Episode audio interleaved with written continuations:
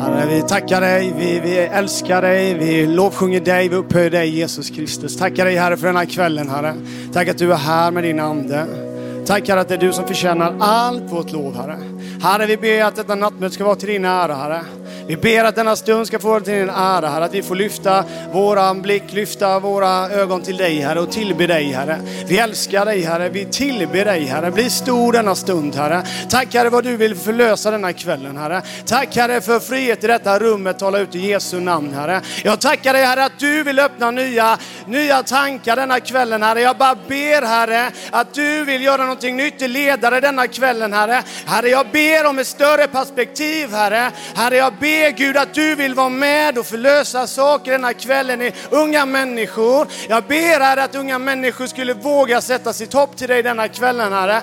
Gud, jag ber Gud om du ska få göra ditt verk denna stunden genom din Ande Herre. Gud, jag tackar dig Gud för befriat område Herre. Gud, jag tackar dig Herre för att du är här framifrån och hela vägen bakom med och verkar Herre. Jag tackar dig för varenda person som sitter här uppe på läktaren Herre. Att du har ett syfte, att du vill vara med och verka verka genom din Ande denna kvällen. Vi tackar dig Herre, vi älskar dig och vi tackar dig Gud. Låt ditt verk ske denna kväll i Jesu Kristi namn. Och hallen sa ett Amen.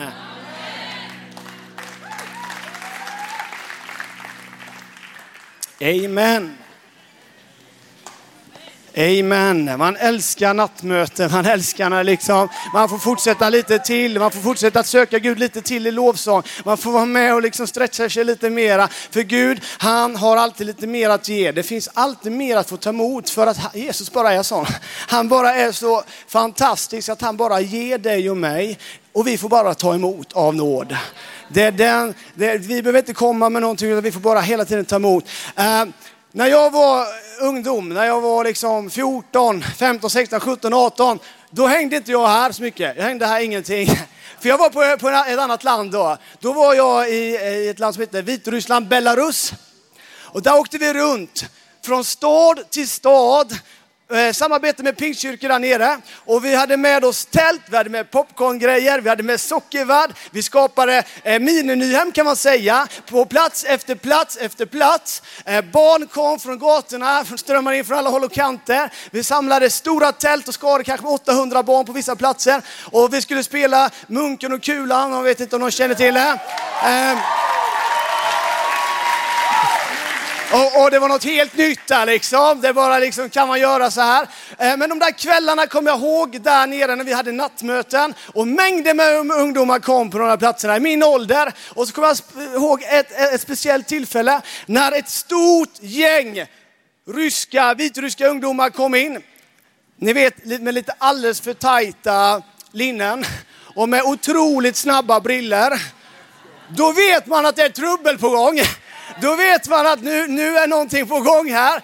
Och deras tanke när de kommer till det här tältet är, vi ska krascha hela det här mötet, vi ska krascha det här tältet. Men vet du att det finns en som hinner före? Hans namn heter Jesus Kristus. Så Jesus han kraschar in i deras liv med sin kärlek. Så ett gäng ungdomar får uppleva att det finns ett hopp, att det finns en riktning, att det finns ett syfte med deras liv. Och de tar av, kommer ihåg, de tar av de där snabba brillorna. Och vi stod tillsammans och de välkomnade Jesus Kristus in i sina liv. Och tårarna rann på våra, på våra kinder och det var revival. Det är den guden, det är han vi lovar. Du vet, på nattmöten kan allting hända. Gud är här, han vill verka. Och eh, det är inte så snabba briller detta. Men jag upplevde för den här kvällen är att briller, det, det, är skönt att ha. Det är riktigt gött att få ta på sig dem, om någon mig som gillar briller på sommaren. Det är gött att ta på sig och glida med så här. Va? Eh, och det här är sponsrat min, ja, där min pappa jobbar. Det är sponsorspel, jag inte säga mer än så. Men i alla fall så, så tror jag den här kvällen, du vet det är gött att få gå med briller så här. Men det är inte gött att gå hela tiden med solbriller. Det är någonting det gör att det fördunklar någonting, att jag inte riktigt ser alla färger, jag inte ser allt fullt ut. Den här kvällen är min bön, att någonting skulle få tas av, att du skulle få se någonting större, att du skulle få upptäcka någonting mer av hoppet i Jesus Kristus, ännu mer av den rikedomen som finns hos Jesus, ännu mer av vad han har tänkt för ditt liv. Det är min bön för denna kvällen. Amen.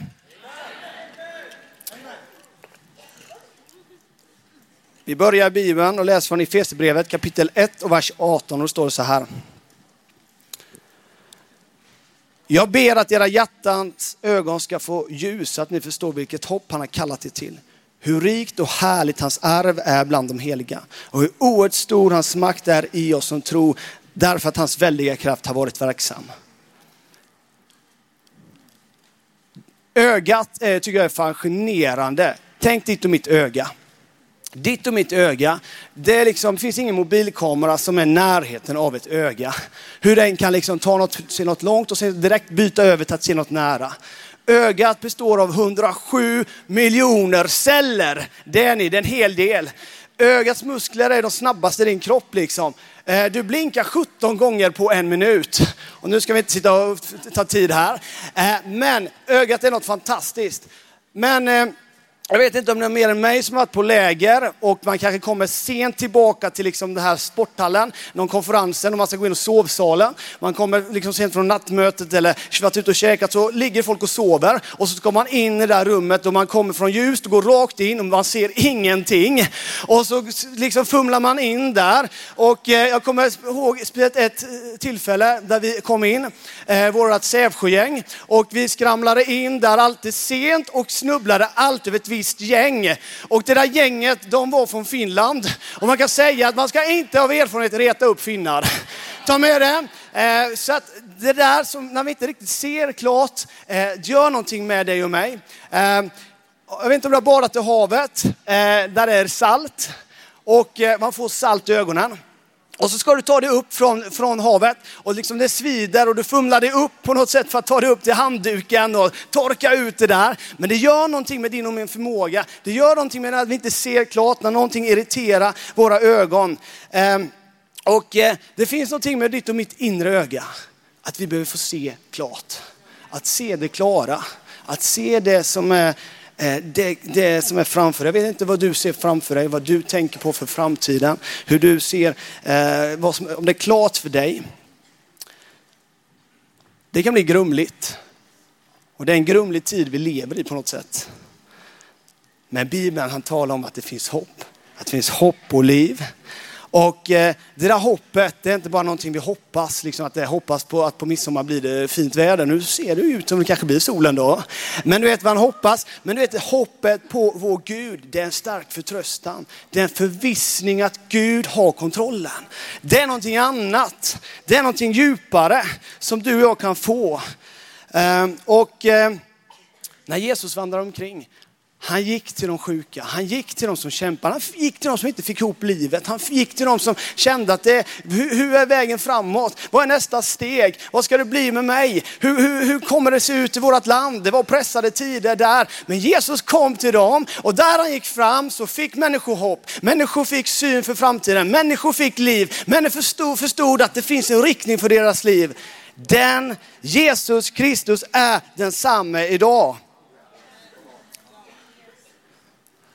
Och jag är övertygad och jag tror att Gud vill göra någonting nytt i vårt land. Och här inne i detta rummet just nu så finns det mängder med unga människor som sitter på nycklar för sina samhällen, för sina städer.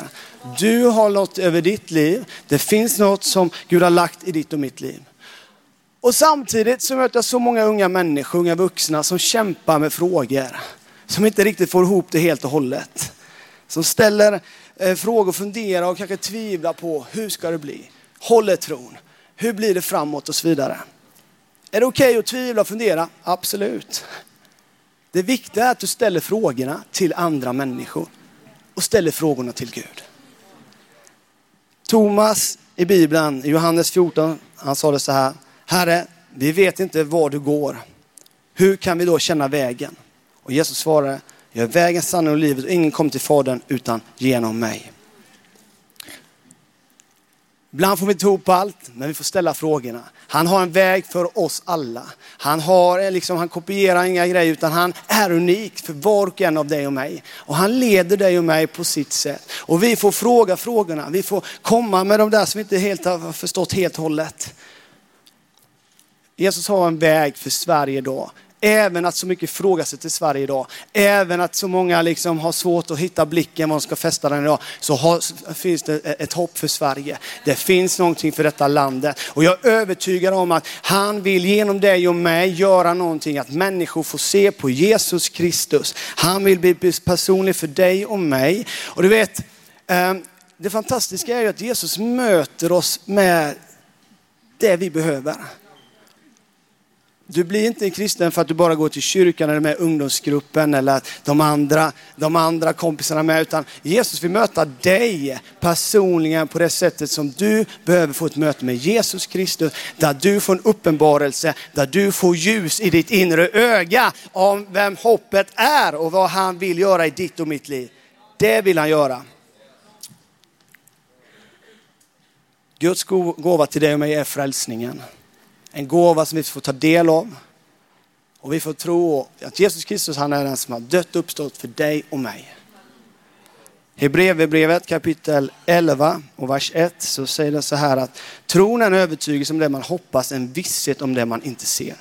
På något sätt är tillit hoppets innersta väsen, det innersta, tilliten tilliten till någon annan. Att inte du och jag är den som behöver styra, utan det är någon som vi får överlåta. Som får leda och styra skutan, får hjälpa dig och mig och vi får lita på honom.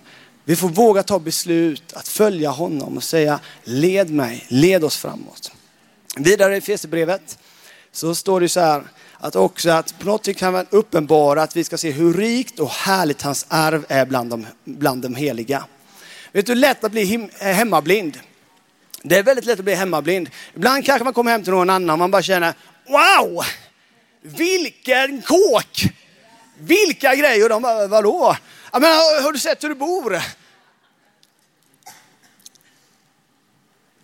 När jag träffade Josefin sista året på gymnasiet så jag spelade väldigt mycket hockey. Och jag hade mycket hockeyprylar, hockeyskydd i mitt, mitt rum. Och man kan säga att jag kände mig att nej, men det var jättegött rum. Va? Jag, jag, jag tyckte att det var liksom nice. Men sen när hon kom in där så var det liksom att hela ansiktsuttrycket förändrades och sa, vad är det som luktar? Och man kan säga att hockeyskydd som har liksom, man har använt träning efter träning och hockeyplockhandskar och grejer, det luktar ingen vidare. Men jag var så hemmablind så jag hade helt missat det där. Va? Man kan säga att det är bra att få korrigering med och ändra lite. Ehm, och ehm, eh, jag måste få lite vatten här känner jag med. Ehm, men eh, det där med att bli hemmablind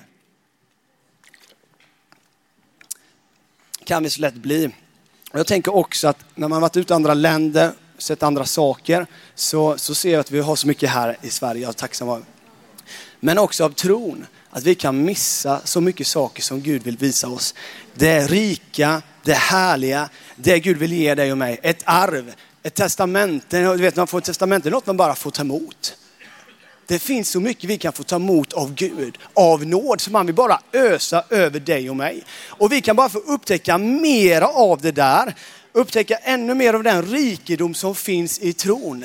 Du vet, tron är inte en insjö med abborre, gädda, mött.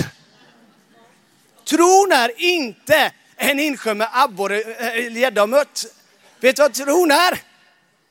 Den är som en ocean. Korallrev. Och du dyker ner och det finns så mycket olika typer av fiskar, färger, djur, växtligheter. Du vet, eh, jag har själv inte dykt, kanske någon annan här inne, man har sett på dokumentärerna, men man drömmer ju sig dit.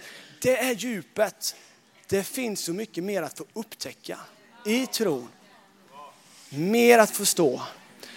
Men eh, jag har mest badat i insjöar och där jag växte upp så hade vi en insjö. Du vet när du hoppade i den där insjön och kom upp så fick du en gratis behandling av brun utan sol. Kanske någon mer här inne med som har tagit ett sådant dopp.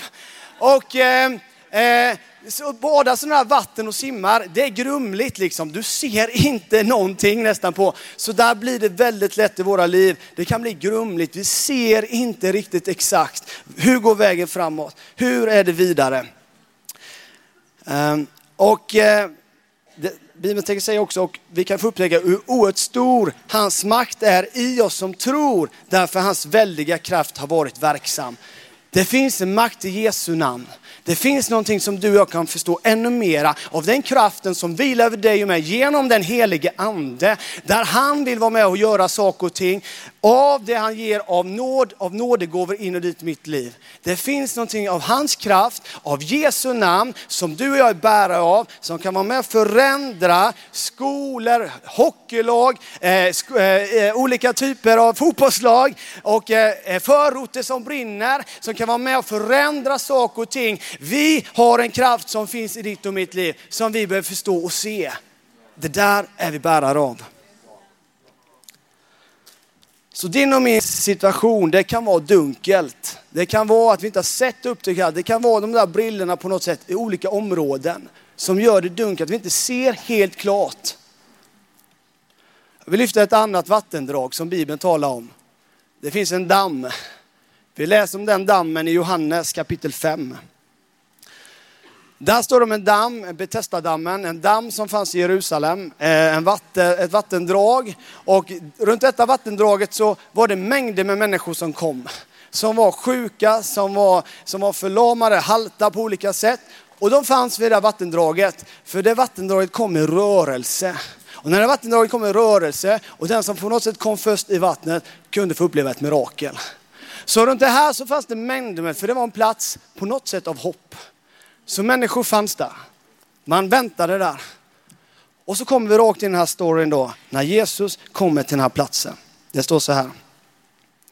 Där fanns en man som hade varit sjuk i 38 år.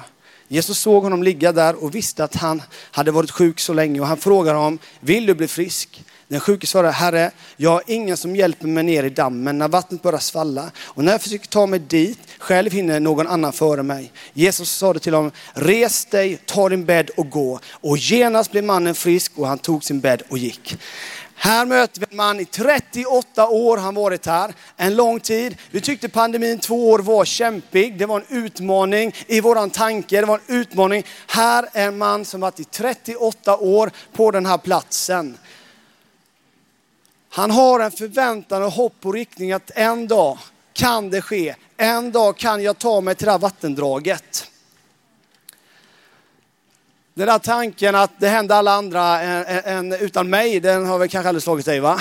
Det där att det är alltid någon annan som hinner före, alltid någon annan som det sker för, det är alltid någon annan som är mer välsignad. Det händer alltid någon annan än mig.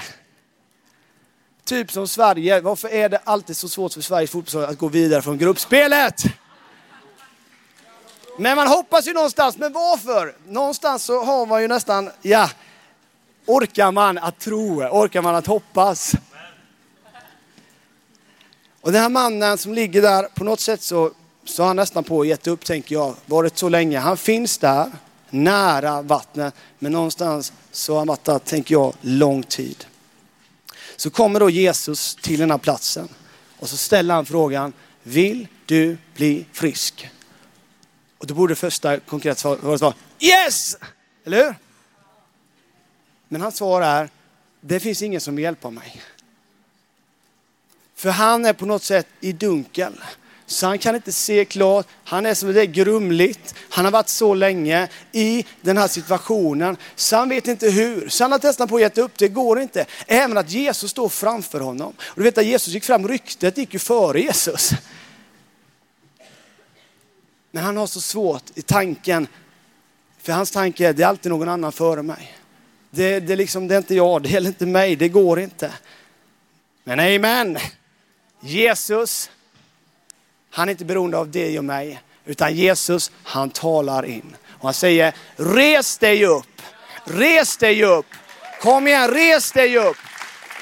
Och i den situationen så får mannen muskler och styrka och han reser sig upp. Han kliver upp, han går på, det händer någonting. Du vet, ett ord från Jesus kan förändra allt. Ett ord från Jesus kan förändra allt i ditt och mitt liv. Ett ord kan vara med och förlösa någonting. Ett ord kan förändra situationen i ditt och mitt liv. Ett ord. Jag ska ta med dig till en story där ett ord fick förändra livet för mig. Vi var nygifta, jag och Jossan, det är tio år sedan nu. Och eh, du vet, man har gift ett bröllop. Man bara yes, det var fest. Och, och eh, man tänker nu, nu, nu eh, hela livet här framför oss. Fantastiskt! Och jag hade jobbat som ungdomsledare i en församling. Jag hade sagt upp mig där för att jag kände att jag ska ut i mission. Och eh, det ska man inte bara göra sådär, men, men jag hade upplevt att det, det är någonting som ligger framför mig. Eh, och min fru hade jobb. Jag tänkte, vi löser det. Jag får leva på henne ett tag här. Och precis när vi har gift oss där så går företaget där hon jobbar i konkurs. Så vi båda står utan noll inkomst och dessutom så har vi ingen a-kassa. Det hade jag inte tänkt på. Tänk på det också när du får jobb.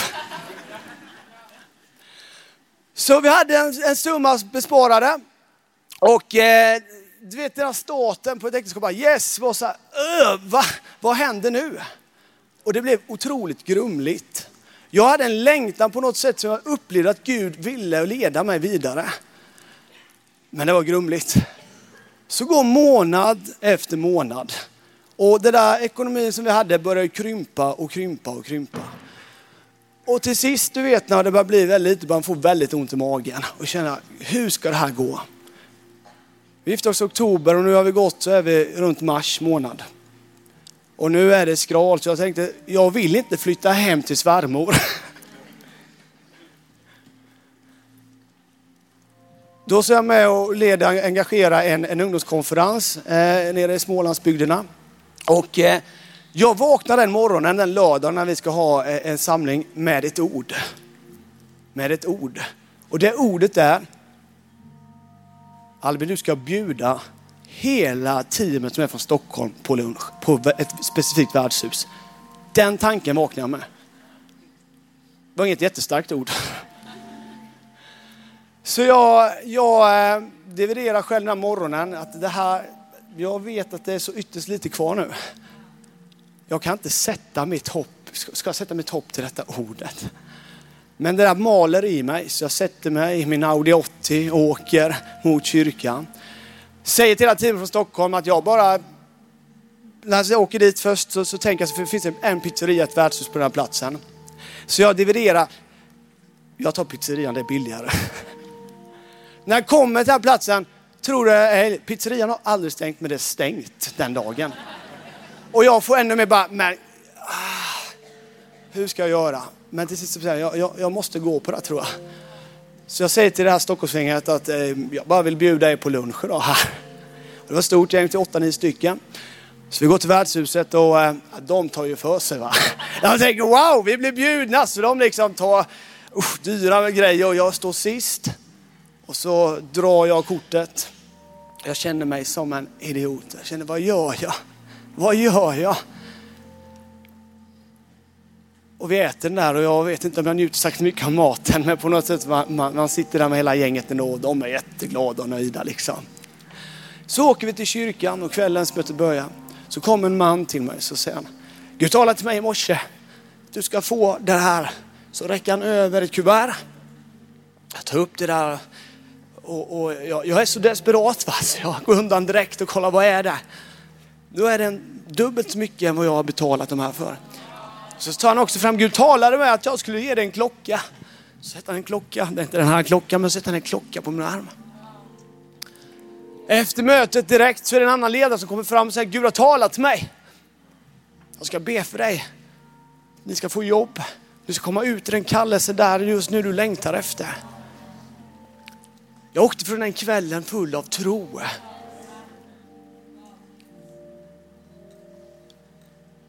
Två veckor senare så är jag för jag är i Albanien på en missionsresa där nere. Och när jag står där nere så får jag reda på, de jag åkte med, att de säger att vi vill satsa med dig, att du ska vara med och resa för oss och jobba för oss. När jag står där nere några dagar senare så ringer min fru och, och gråter så här, Albin vet du vad som har hänt? Nej, jag har fått jobb. Och jag funderar så mycket, varför fick jag en klocka? Därför att jag tror att Gud skulle säga att han kommer aldrig för sent. Han kommer alltid i tid. Han kommer alltid i tid. Han kommer alltid i tid in i våra liv. Han kommer aldrig för sent. Och det har jag fått se de senaste åren, att Gud, han är trofast. När vi sätter våra topp till honom, när vi vågar lita på honom, så vill han vara med och hjälpa dig och mig. Vi kan få lita på honom.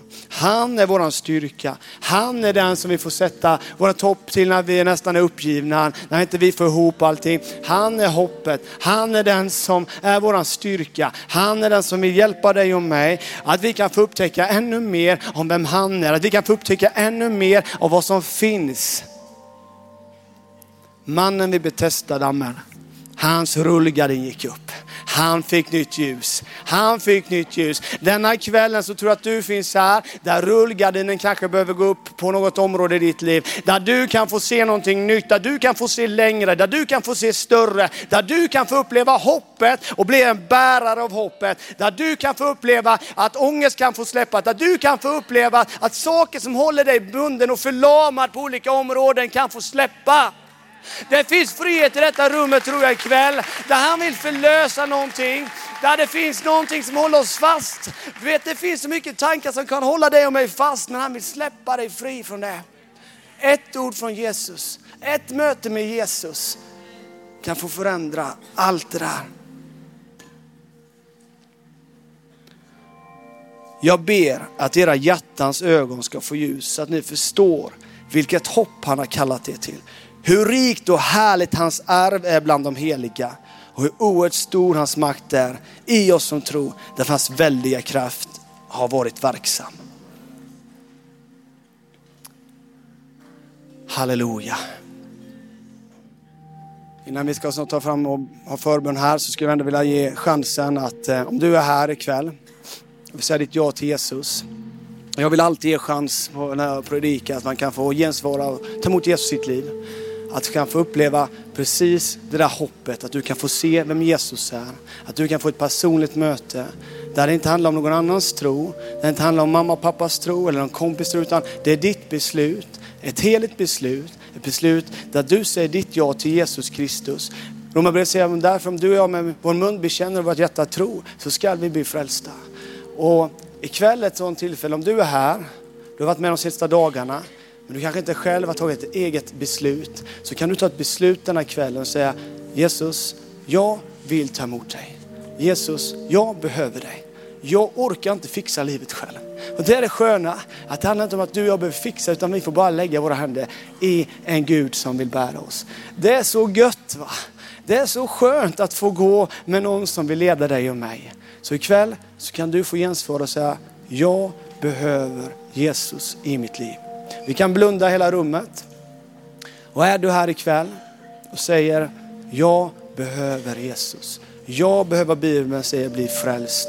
Jag behöver ta emot Jesus Kristus i mitt liv. Och jag vill ta ett beslut själv denna kvällen. Är du här just nu så önskar jag att du bara skulle räcka din hand så vill jag be en bön för dig. Jag kommer inte ta upp någon, men räck din hand där du är så vill jag be en bön för dig där du är. Tack Jesus.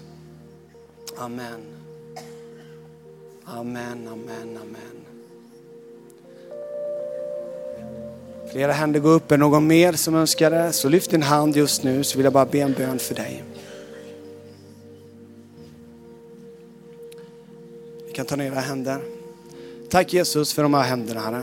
Och jag ber Gud för varenda person, Herre, kille och tjej. Herre, tack att du möter oss Herre i våran längtan. Tack att du möter oss precis där vi är Herre. Inte där vi borde vara utan där vi är Herre. Tackar dig Jesus för att du möter. Du möter med din kärlek, din nåd. Tack att vi får vända oss till dig i Jesu Kristi namn. Amen. Du som räckte din hand, jag önskar att du sen går till förbön och berättar om det, så vill vi be för dig och hjälpa dig vidare i ditt beslut att följa Jesus. Vi kan ställa oss upp på våra fötter, hela Nyhemshallen.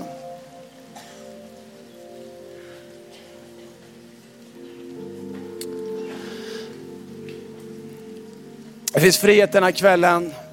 Gud vill möta dig. Han vill röra vid ditt liv. Han vill tala in i ditt liv och du kan få uppleva hur Gud kan få möta dig i din situation. Om det finns tankar som kanske förlamar dig, om det finns saker och ting som håller dig fast tillbaka. Om du kan få nytt ljus in i saker, du kan få nytt ljus in över vem Gud är, du kan få nytt ljus in vad han har för dig framöver. Att det som kanske är grumligt just nu skulle få bli klart.